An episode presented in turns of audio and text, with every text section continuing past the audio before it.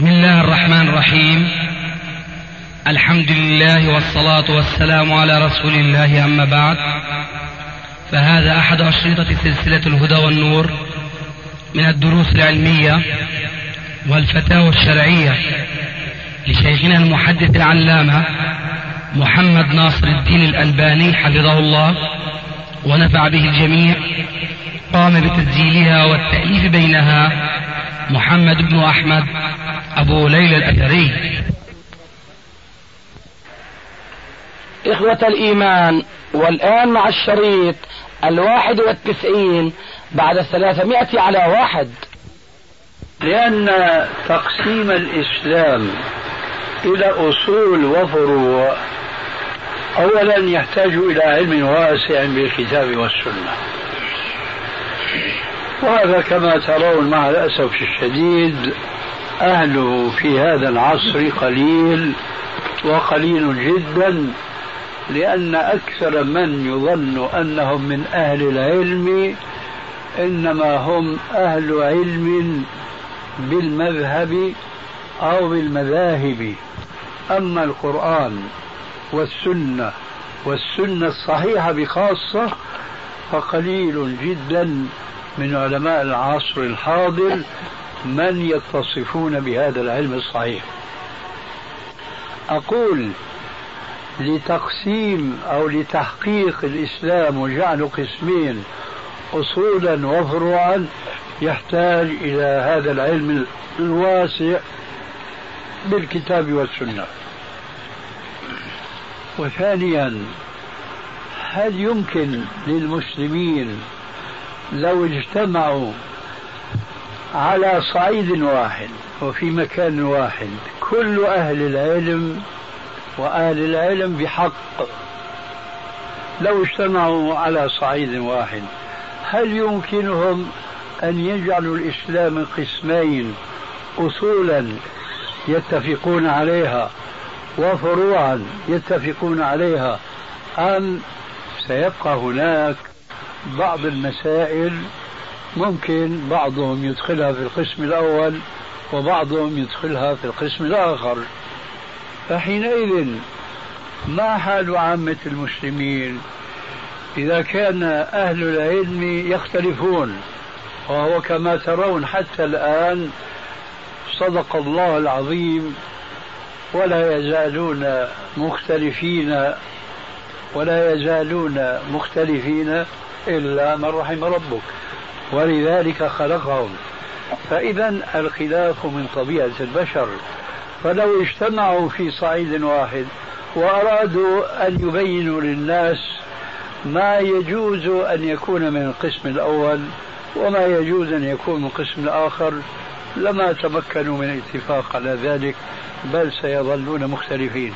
لذلك اعتقادي الجازم أنه لا يجوز التفريق بين شرع وشرع فيقال هذا أصل لا يجوز التهاون به وهذا فرع يجوز التهاون به. نعم إذا كان المقصود بالفرع والأصل هو ما يقابل الفرض ويقابل السنة هذا لا شك أمر ممكن لكن ليس هذا هو المقصود. المقصود هو ما يتعلق بالعقيدة. وما يتعلق بالعبادة وما كان متعلقا بالعقيدة فهو الأصل وهو الذي يجب الاعتماد والتمسك به وعدم الإخلال بشيء منه. وما يتعلق بالعبادات فالخط سهل وبخاصة أنهم جاءوا بمعول من قلد عالما لقي الله سالما. وهذا لشهرة هذه الجملة يتوهم كثير من الناس أنها حديث عن الرسول عليه السلام ولا أصل له حتى في الأحاديث الموضوعة. لا أصل لهذه الجملة. من قلد عالما لقي الله سالما حتى في الأحاديث الموضوعة ونستطيع أن نقول هذا حديث موضوع طازج. يعني حديث في العصر الحاضر. وهذا من مشاكل هذا العصر أنه تروج هناك عبارات لم نجدها حتى في الأحاديث الموضوعة. فمن أين جاءت؟ من ذاك المنبع الذي جاءت الأحاديث الموضوعة القديمة التي وضعت لها كتب الموضوعات والشاهد يستدل أولئك الذين أشرنا إليهم على معنى هذه الجملة من قلد عالما لقي الله سالما بحديث صحيح. واستدلالهم هذا يشبه تماما من حيث الانحراف عن معناه الصحيح كاستدلال المبتدعة بقولهم أن في الإسلام بدعة حسنة بحديث من سن في الإسلام سنة حسنة.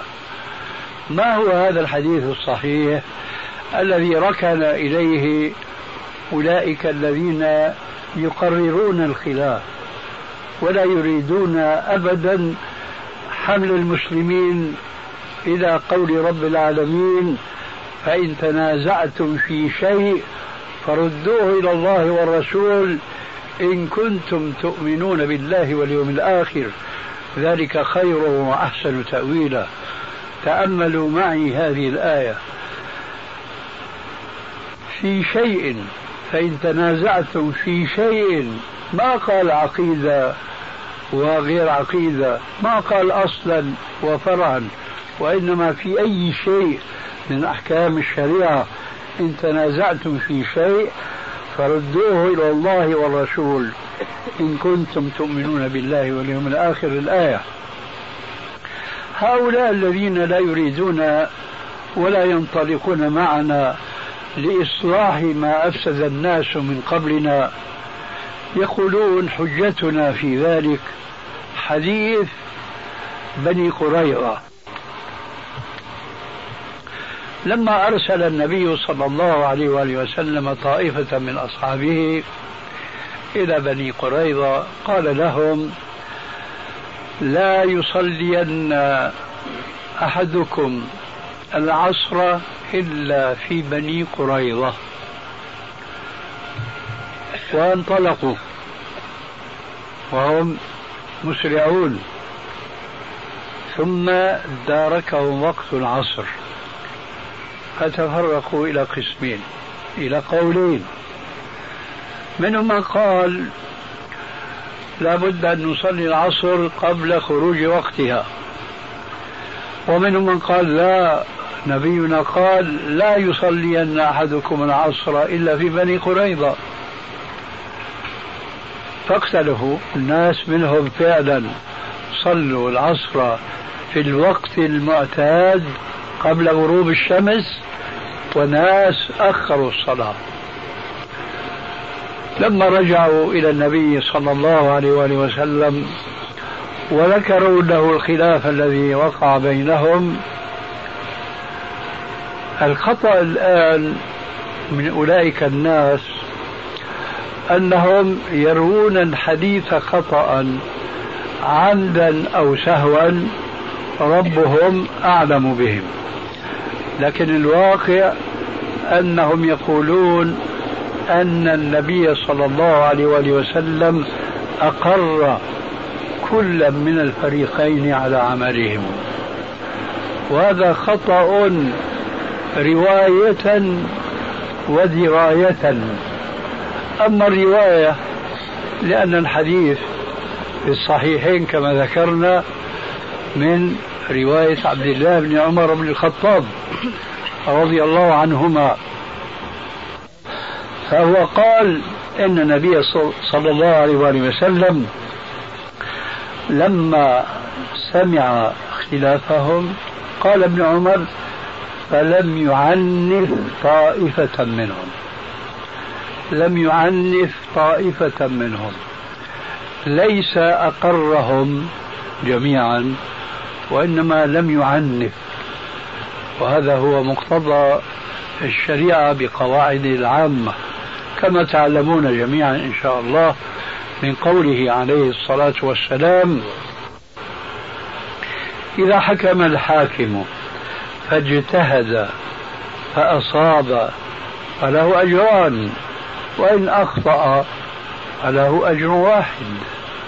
إذا الذي يكون مأجورا لا يعنف. ومن هنا ينبغي أن نأخذ أدبا. هي جملة معترضة قد تطول قليلا فمعذرة. من هذا الحديث ينبغي أن نأخذ أننا إذا رأينا إماما من أئمة المسلمين قد خالف سنة من السنن الصحيحة لا ينبغي أن نحط عليه وأن نطعن فيه وإنما أن نلتمس له عذرا ذلك أنه كان مجتهدا فإن أصاب فله أجران وإن أخطأ فله أجر واحد.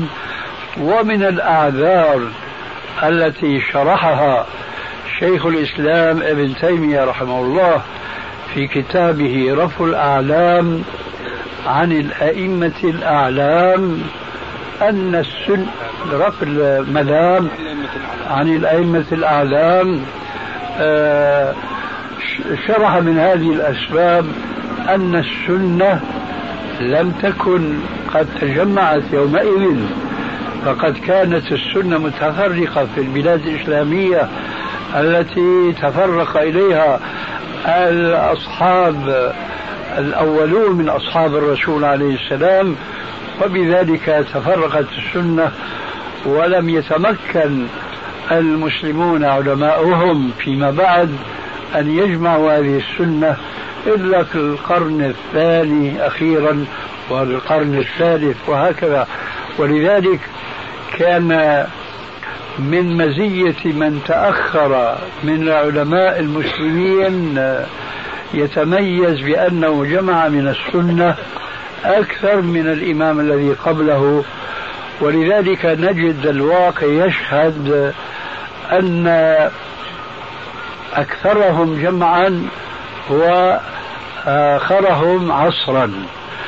فأكثر الأئمة الأربعة سنة وجمعا الحديث الإمام أحمد ثم شيخه الشافعي ثم شيخه هو الإمام مالك أخيرا يأتي الإمام الأول من حيث العصر وهو أبو حنيفة فهو أقلهم حديثا بسبب أنه لم يخرج من الكوفة التي نشأ فيها وترعرع فيها وتعلم فيها إلا نادرا جدا بمناسبة حج أو عمرة فلم يطف البلاد ليجمع السنة كما فعل الشافعي في رحلته إلى مصر. وكما فعل تلميذه الإمام أحمد حيث طاف البلاد الشاهد. فقوله في الحديث لم يعنف طائفة منهم ينسجم تماما مع ملاحظة أنهم كانوا مجتهدين. أما أقرهم على ذلك لا لأن هذه المسألة السر فيها أنه لم يبين هنا يرد سؤال تقليدي. أو كما يقولون اليوم يطرح نفسه بنفسه. لماذا لم يبين الرسول عليه السلام الطائفة التي أصابت والطائفة التي أخطأت؟ بينما نجد خلاف ذلك تماما. أخرى. جاء في سنن أبي داود وغيره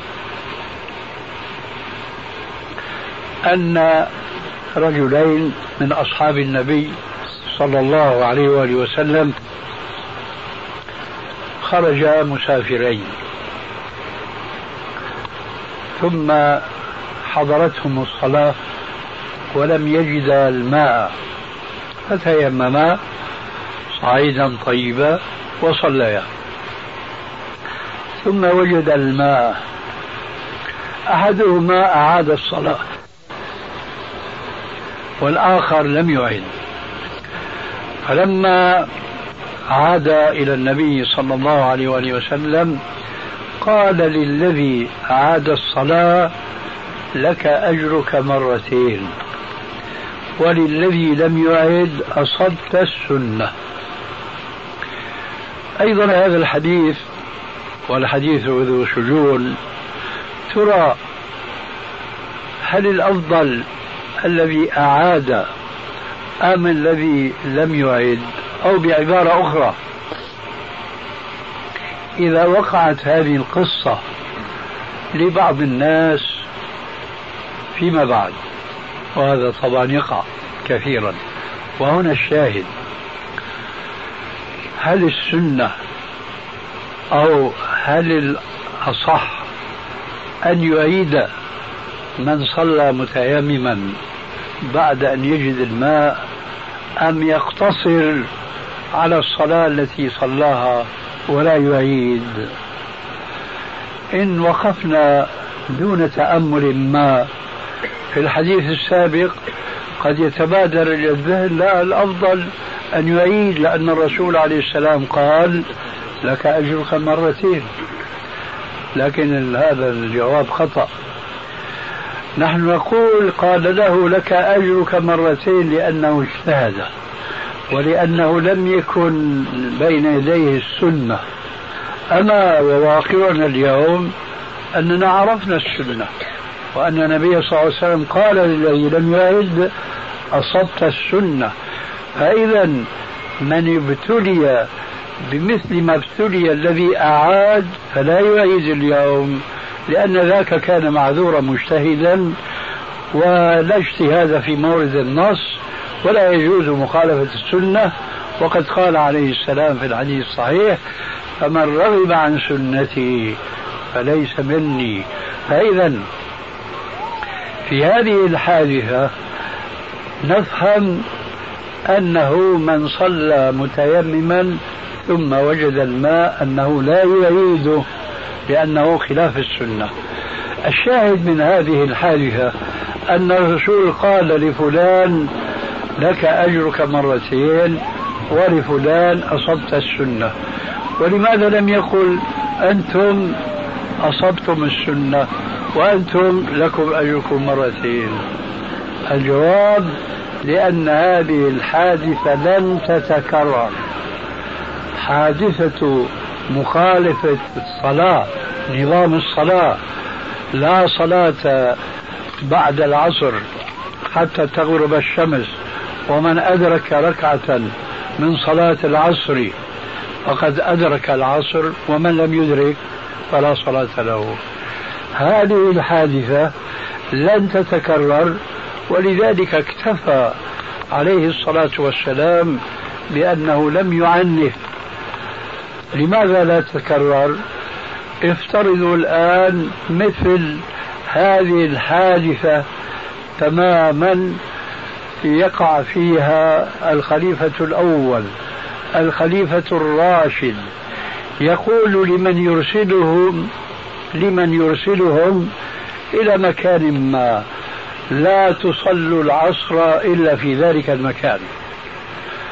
سوف لا يختلف هؤلاء المسلمون إذا تداركهم الوقت لأنهم يعلمون أن الإسلام قد تم. كما قال تعالى اليوم أكملت لكم دينكم وأتممت عليكم نعمتي ورضيت لكم الإسلام دينا. فإذا كان من الممكن أن تتغير الأحكام في زمن الرسول عليه السلام لأن الوحي كان لا يزال ينزل عليه يترى فذلك لا سبيل إليه بعد وفاة النبي صلى الله عليه وسلم. فلو أن خليفة مسلما بل قرشيا راشدا قال لطائفة منهم لا تصلوا العصر إلا في مكان كذا ثم ضاق عليهم العصر لوجب عليهم جميعا ولما وقع بينهم أي اختلاف إطلاقا أنهم يصلون الآن أو يصلون في ذلك المكان. السبب أن في حادثة بني قريظة كان في هناك شبهة لدى بعضهم أن هذا حكم جديد. الرسول قال لا يصلين أحدكم العصر إلا في بني قريظة. أما لو وقع مثل ذلك بعد الرسول عليه السلام فليس لأحد أن يدخل تخصيصا وتقييدا في نص عام وفي مبدأ عام بعد وفاة الرسول عليه الصلاة والسلام لأن الإسلام قد تم فلا مجال للاستدراك عليه. وردت عدة أسئلة منها سؤال حول أو يتمم هذا الموضوع ولو من بعد. يقول فيه السائل يقول البعض لا بد من التمذهب في أول طريق العلم دون تعصب حتى ينضبط لك الأمر وتنضبط لك الألفاظ الاصطلاحية عند أهل العلم. ثم بعد ذلك تنظر وتبحث بالترجيح والبرهان والدليل فما هو رأيكم؟ هذا هو الرأي مع قيد. نحن دائما نؤكد بأن واجب الدعاة الإسلاميين حقا أن يعودوا بمجتمعهم إلى هدي المجتمع الأول. كيف كان المجتمع الأول؟ هل كان هناك مذاهب؟ هل كان هناك مذهب لبعض الصحابة؟ مذهب يسمى بكري وآخر يسمى عمري. وثالث عثماني ورابع علوي. الجواب لا. إنما كانوا فعلا أمة واحدة. ولا شك أن أصحاب النبي صلى الله عليه وآله وسلم ليسوا كلهم علماء. بل كما نفهم من كتب أهل العلم أقلهم كان من أهل العلم. أما جمهورهم فكان كما أشار القرآن. فاسألوا على الذكر إن كنتم لا تعلمون. الجمهور كانوا يسألون يتقصدون في سؤالهم رجلا منهم يتعصبون له دون الآخرين؟ الجواب لا. من تيسر له من أهل العلم من الصحابة سألوه. دون تحيز إلى واحد منهم. يجب كما يقال التاريخ يعيد نفسه. لكن التاريخ يعيد نفسه بفعل أهل التاريخ. فأريد أن أقول القيد هو صحيح ما جاء في السؤال. في العصر الحاضر ينبغي الإنسان أن يدرس دراسة نظامية مذهبية. لكن القيد الذي أريد أن أقوله هذا في المجتمعات العامة المعروفة اليوم بالتمذهب. أما إذا قيض لرجل ما آه، أنه يعيش في بلد أو في قرية فيها أفراد من أهل العلم الذين لا يتعصبون لمذهب من المذاهب الأربعة وإنما منهجهم الكتاب والسنة. فهذا البعض المقيم في هذا البلد ليس له أن يدرس هذه الدراسة التي قلنا عنها إنها هي اليوم وإنما عليه أن يدرس على هؤلاء العلماء دراسة على الكتاب والسنة في كل أحكام الشريعة. أما إذا كان لا يوجد كما هو الواقع مع الأسف في أكثر بلاد الإسلام إلا علماء مذهبيين فلا يسعه إلا أن يدرس على أحدهم ثم بعد ذلك يتوسع في دراسة السنة ودراسة تفاصيل الأئمة ليتعرف على أدلة الشريعة وعلى آه، آه، على ما ذهب إليه كل مذهب من الاستنباط آه، يؤمل الترجيح حينما يصل إلى هذه المنزلة. هذا القائد هو الذي أردت أن أضمه إلى ذاك السؤال الذي أقررته لكن مع هذه الضميمة؟ وبهذا القدر كفاية والحمد لله رب العالمين. إخوة الإيمان والآن مع مجلس آخر. ونستغفره ونعوذ بالله من شرور أنفسنا ومن سيئات أعمالنا. من يهده الله فلا مضل له ومن يضلل فلا هادي له. وأشهد أن لا إله إلا الله وحده لا شريك له. وأشهد أن محمدا عبده ورسوله. أما بعد فرجاء من إخواننا الحاضرين الذين انتقلوا من مخيم إلى هذا المخيم أن يفسحوا الفرصة لأهل هذا المخيم أن يوجهوا أسئلتهم حتى نجيب عليها لأنهم أحق بذلك من غيرهم ولا سيما أننا قضينا ساعات كثيرة في مخيمنا هناك.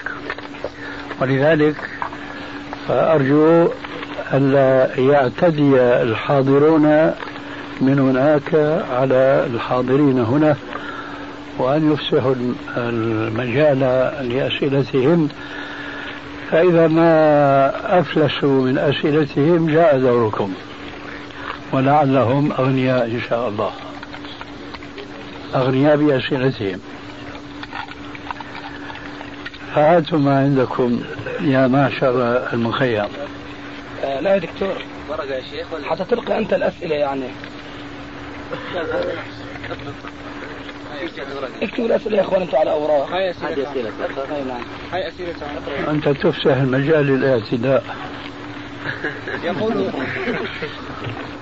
والله هو الشيخ المعنيين أهل المخيم هذا. يا أبا ليلى في كتابة الأسئلة. ترخيها حلوة بس بدك بدك مين يفهمها أول من استجاب لدعوتك غير أهل المخيم. احتملوها فرصة. رب العالمين. بس رفعوا الصوت على الأنبياء والمرسلين سيدنا محمد وعلى آله وأصحابه أجمعين. أما بعد فإننا نحتبل هذه الفرصة المناسبة لوجود فضيلة الشيخ المحدث محمد ناصر الدين الألباني وهو رجل معروف ولولا أنه لا يجوز التمادح للمسلم أمام أخيه. لوصفنا الشيخ بما هو أهل له ولكن هذا لا يجوز كما أن الشيخ لا يرضى بذلك. إلا أننا نقول إن الشيخ قد قضى أكثر من نصف قرن في خدمة السنة النبوية وفي تحقيق الأحاديث. ولا نظن إلا أن الشيخ من مجددي هذه الأمة أمر دينها في علم الحديث. فنسأل الله عز وجل أن يجيزه بذلك ويجزيه الثواب العظيم والأجر الكبير لما يقدمه وما قدمه لطلاب العلم وللأمة كافة.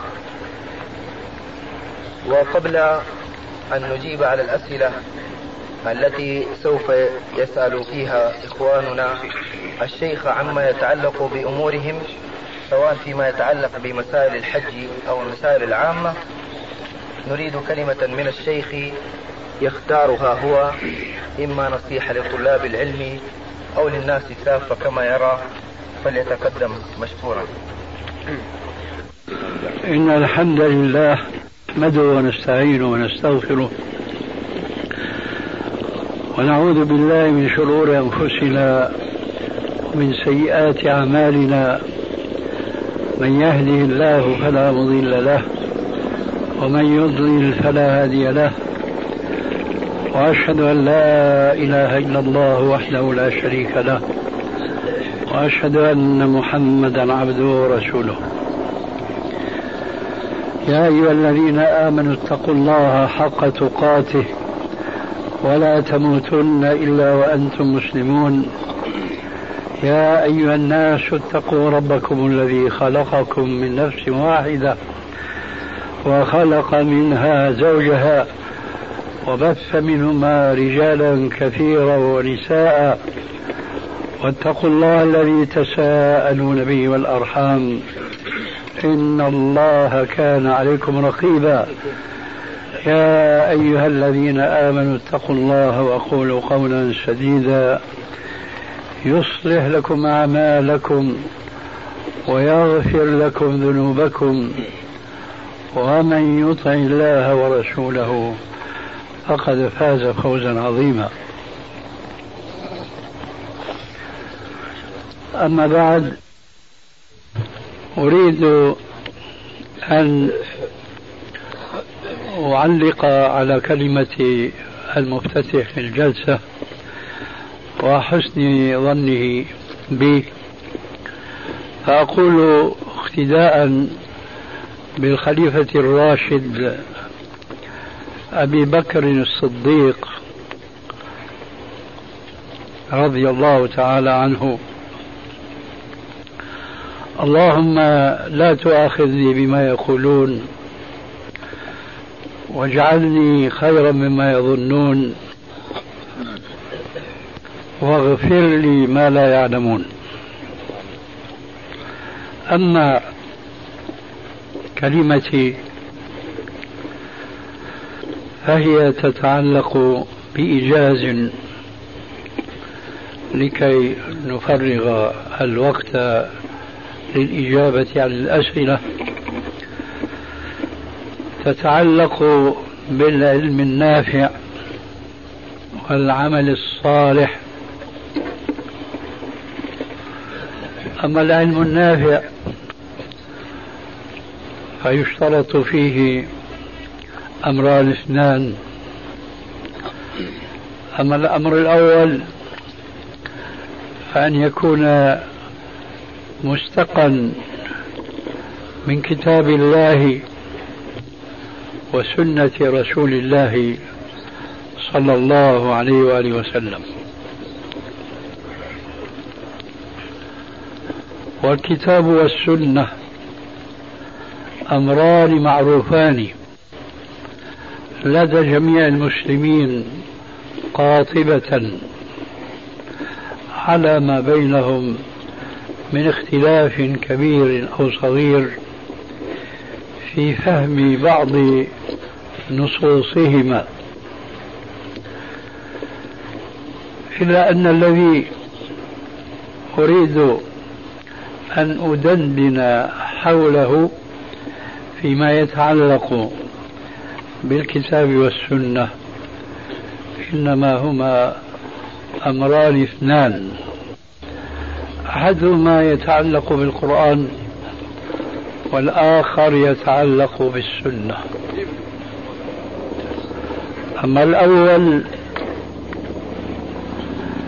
فهو أن يكون من طابع طالب العلم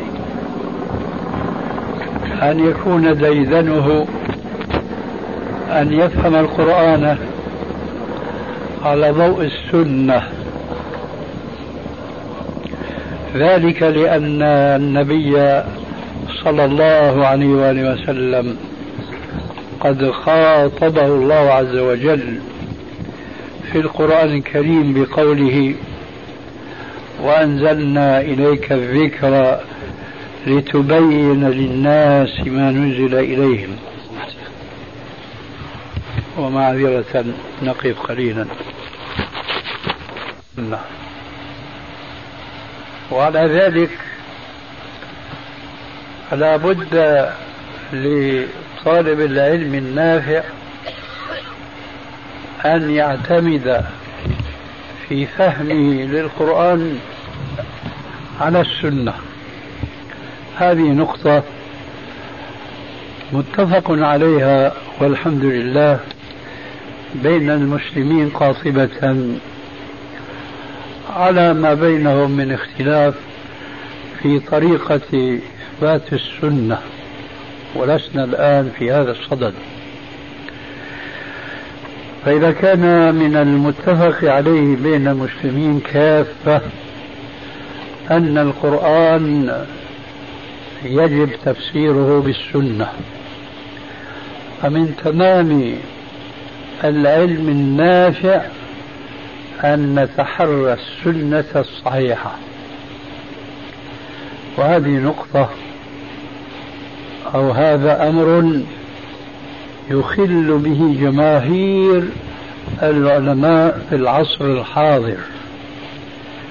ذلك أنهم ينقلون من السنة ما وقفوا عليه دون فتنبه أو دون أن يأخذوا حذرهم من أن يكون ما ينقلونه من الحديث عن النبي صلى الله عليه وآله وسلم لا تصح نسبته إليه.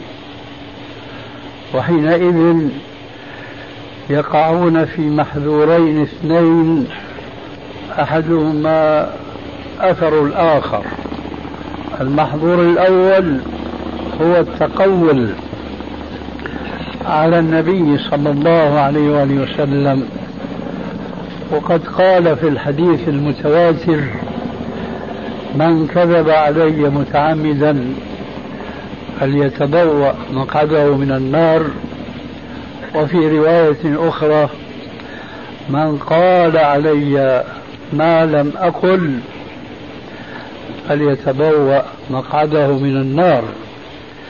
ولذلك يجب على كل من كان حريصا على العلم النافع سواء كان من أهل العلم المشار إليهم بالبنان أو كان من طلاب العلم البادئين في طلب هذا العلم أنه لا يجوز لهم أن ينقلوا حديثا عن النبي صلى الله عليه وآله وسلم إلا بعد أن يثبت لديهم صحة نسبته إلى النبي صلى الله عليه وآله وسلم.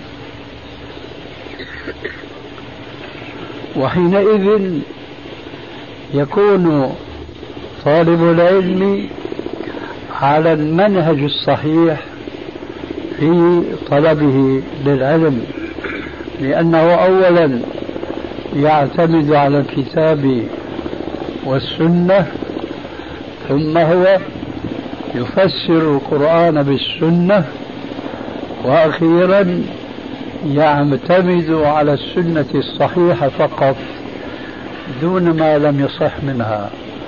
وثانيا يكون مسؤولا عما ينشره بين الناس من الأحاديث التي لا تكون في واقعها صحيحة النسبة إلى النبي صلى الله عليه وآله وسلم. هذا هو العلم النافع. ولكننا نضيف عادة إلى المصدرين السابقين الكتاب والسنة نضيف شيئا ثالثا وهو ضروري جدا في زماننا هذا لاختلاف وجوه الأنظار والاستنباط والاقتباس والفهم من الكتاب والسنة. فليكون العالم أو طالب العلم في منجاة في تفسيره للكتاب والسنة أن يميل يمينا أو يسارا وأن يقع في الضلال من حيث لا يريد ولا يشعر لا بد له من أن يضم إلى اعتماده على الكتاب والسنة شيئا ثالثا ألا وهو الاعتماد على ما كان عليه السلف الصالح رضي الله عنهم.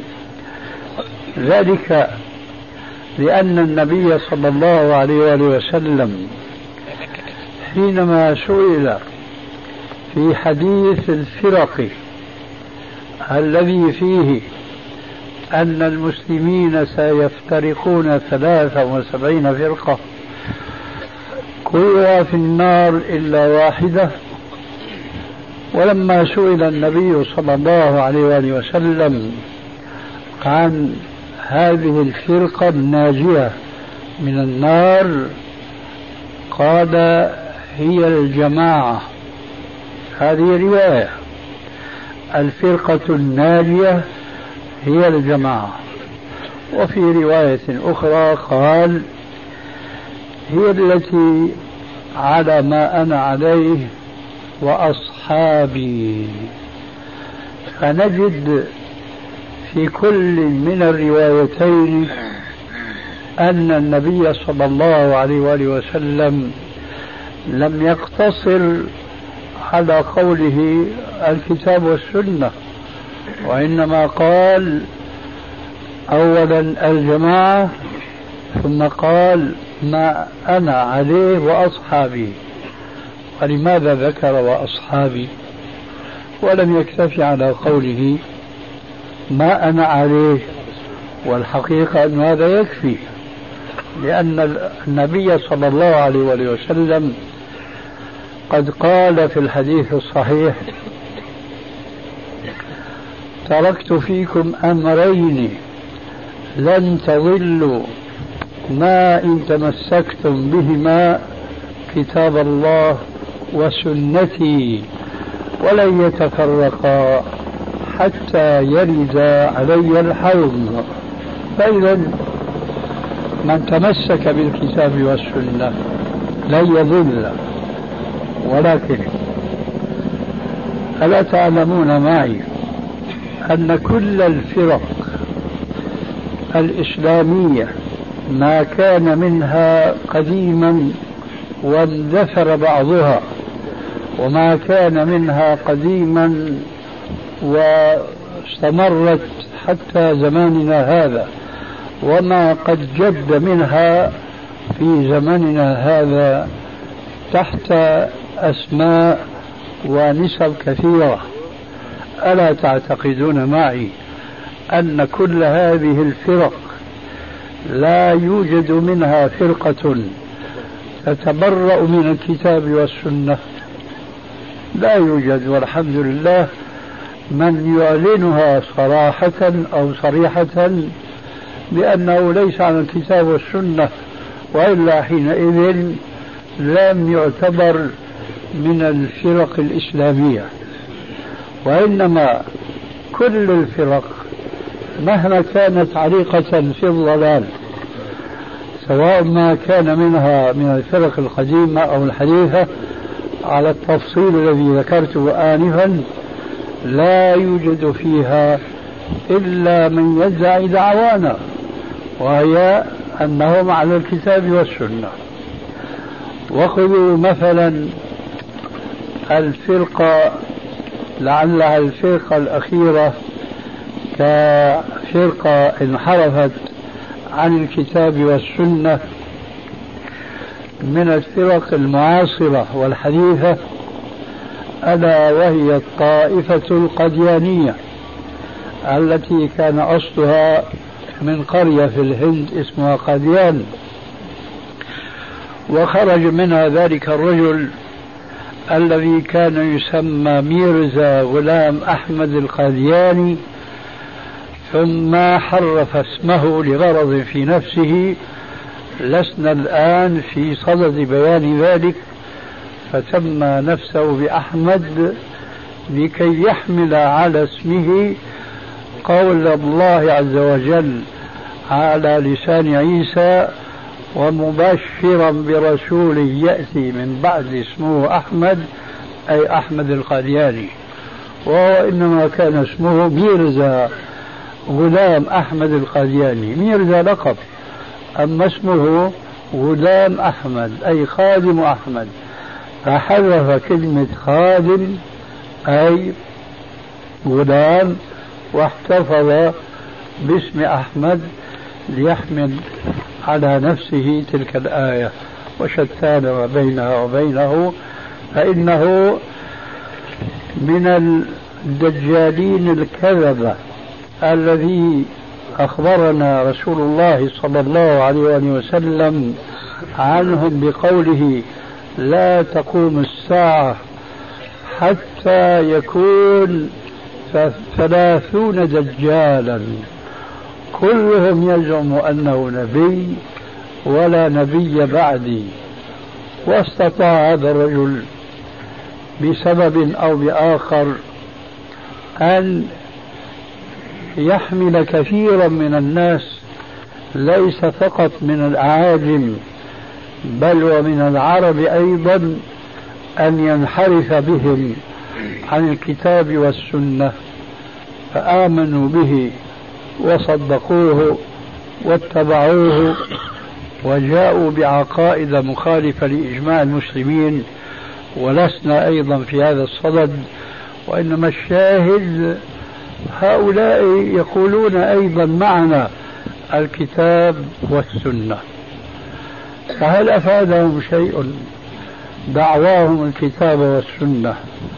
وهم قد خالفوا الكتاب والسنة في كثير من نصوصهما. والشاهد ها هنا الآن. كيف يجمعون بين اتباعهم لنبيهم المزعوم وبين قول رب العالمين ولكن رسول الله وخاتم النبيين. هنا يظهر لكم أهمية شيئين اثنين السنة وتفسير السنة والقرآن على ما كان عليه السلف الصالح. تفسير القرآن بالسنة وتفسير السنة بما كان عليه السلف الصالح. لم يكفر هؤلاء القاديانيون بقوله تعالى ولكن رسول الله وخاتم النبيين بل آمنوا بالآية كما نؤمن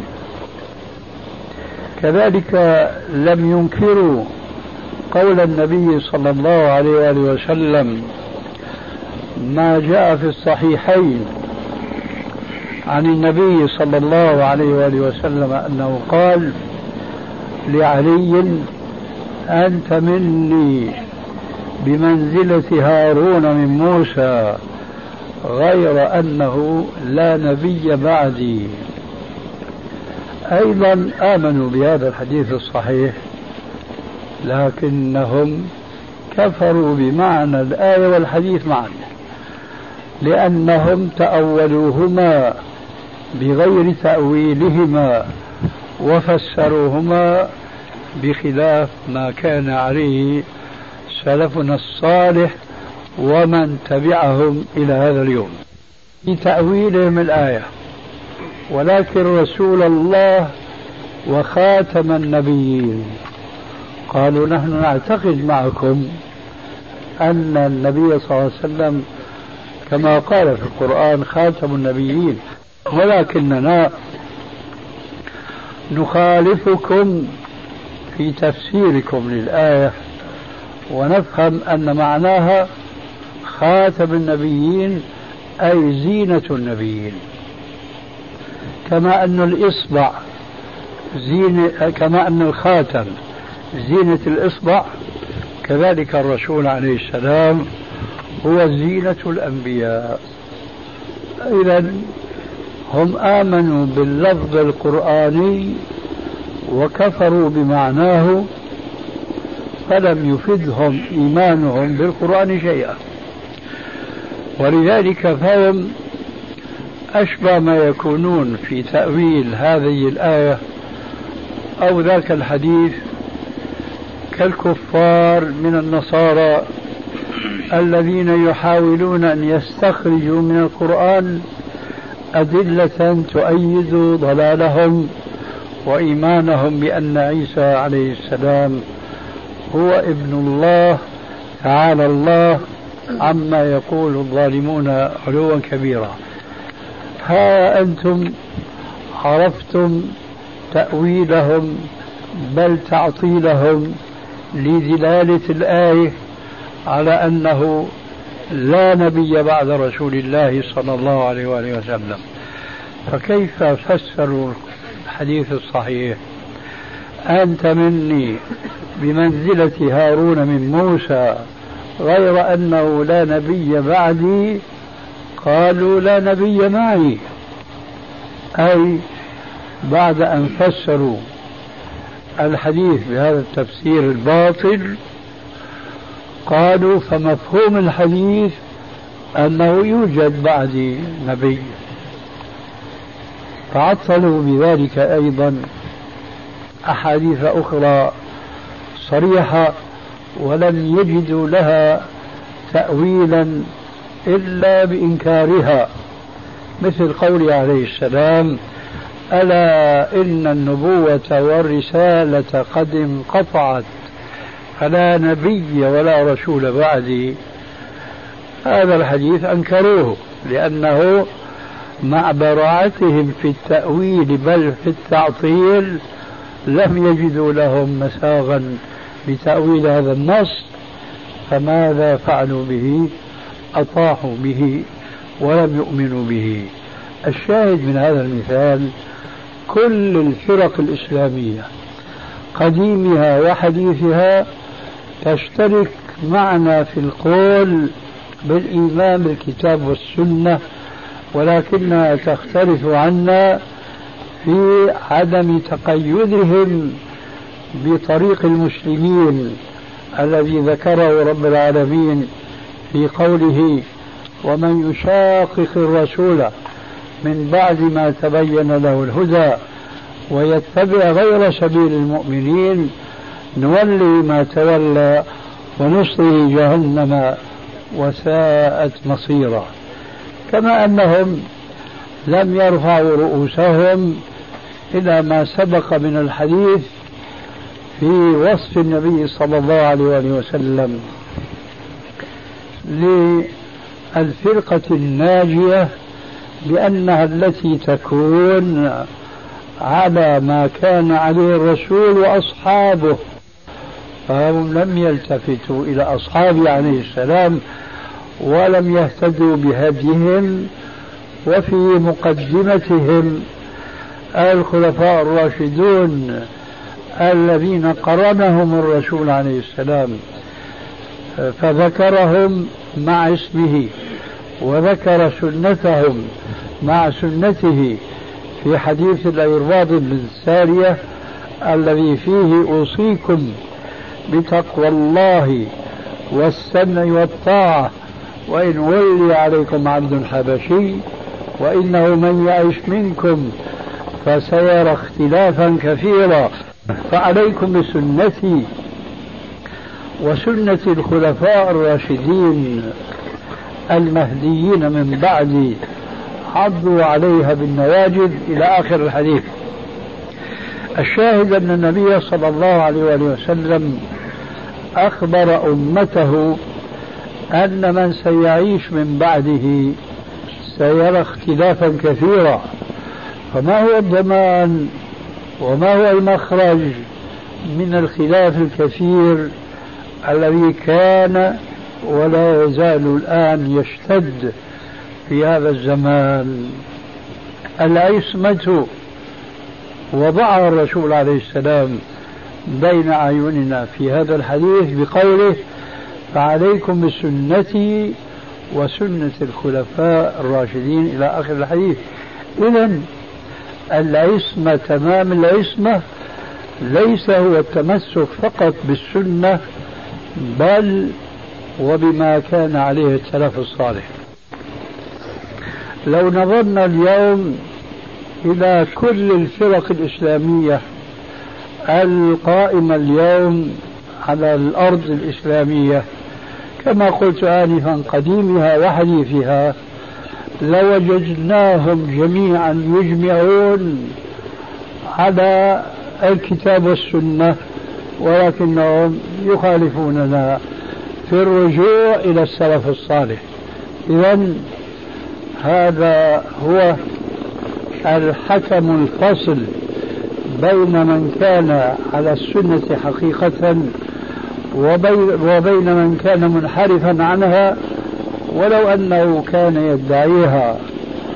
ذلك أن العصمة عند الاختلاف كما هو صريح هذا الحديث إنما الرجوع إلى ما كان عليه الصحابة بعامة والخلفاء الراشدون بخاصة. هذا هو العلم النافع.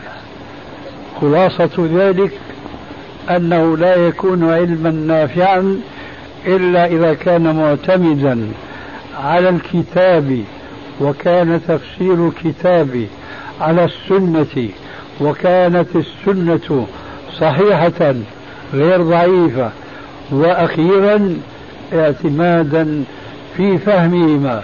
الكتاب والسنة على ما كان عليه سلفنا الصالح. ولذلك نجد الفرق القائمة اليوم كلها.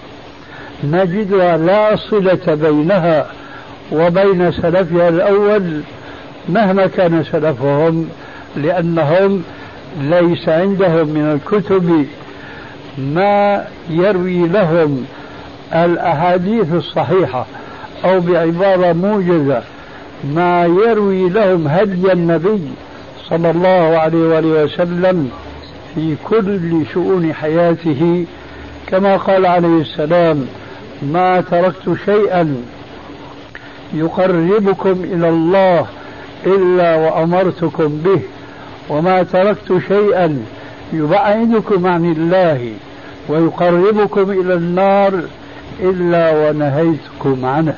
هذا العلم الجامع النافع لا يوجد عند كل الفرق الإسلامية فضلا عن أن يوجد عندهم من الكتب والآثار ما يصلهم بالسلف الصالح وما يدلهم على ما كانوا عليه لكي يقتدوا بهم تنفيذا لقوله تعالى المذكور آنفا ومن يشاقق الرسول من بعد ما تبين له الهدى ويتبع غير سبيل المؤمنين فالله عز وجل في هذه الآية يأمر باتباع سبيل المؤمنين ويحذر بمخالفة سبيل المؤمنين ويعتبر مشاققة ومخالفة سبيل المؤمنين مشاقة للرسول عليه الصلاة والسلام. كل الفرق لا سبيل لها أن تعود في فقهها للكتاب وللسنة إلى ما كان عليه السلف الصالح. إذا العلم النافع هو القرآن المفسر بالسنة والسنة الصحيحة وكلاهما مفسر بما طبقه سلفنا الصالح ولكي نعرف ما كان عليه السلف الصالح فيجب أن يكون عندنا كتب تروي لنا آثار السلف كما تروي لنا أحاديث الرسول عليه الصلاة والسلام. هذا فيما يتعلق بالعلم النافع.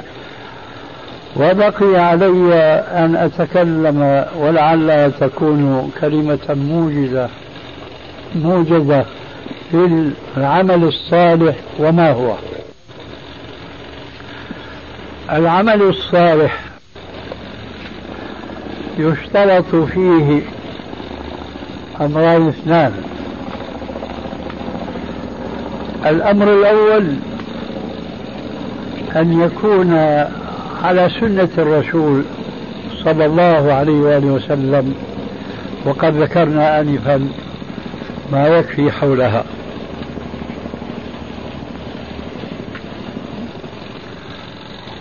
وقد أشار ربنا عز وجل إلى هذا الشرط والشرط الآخر وهو أن يكون العمل الصالح خالصا لوجه الله.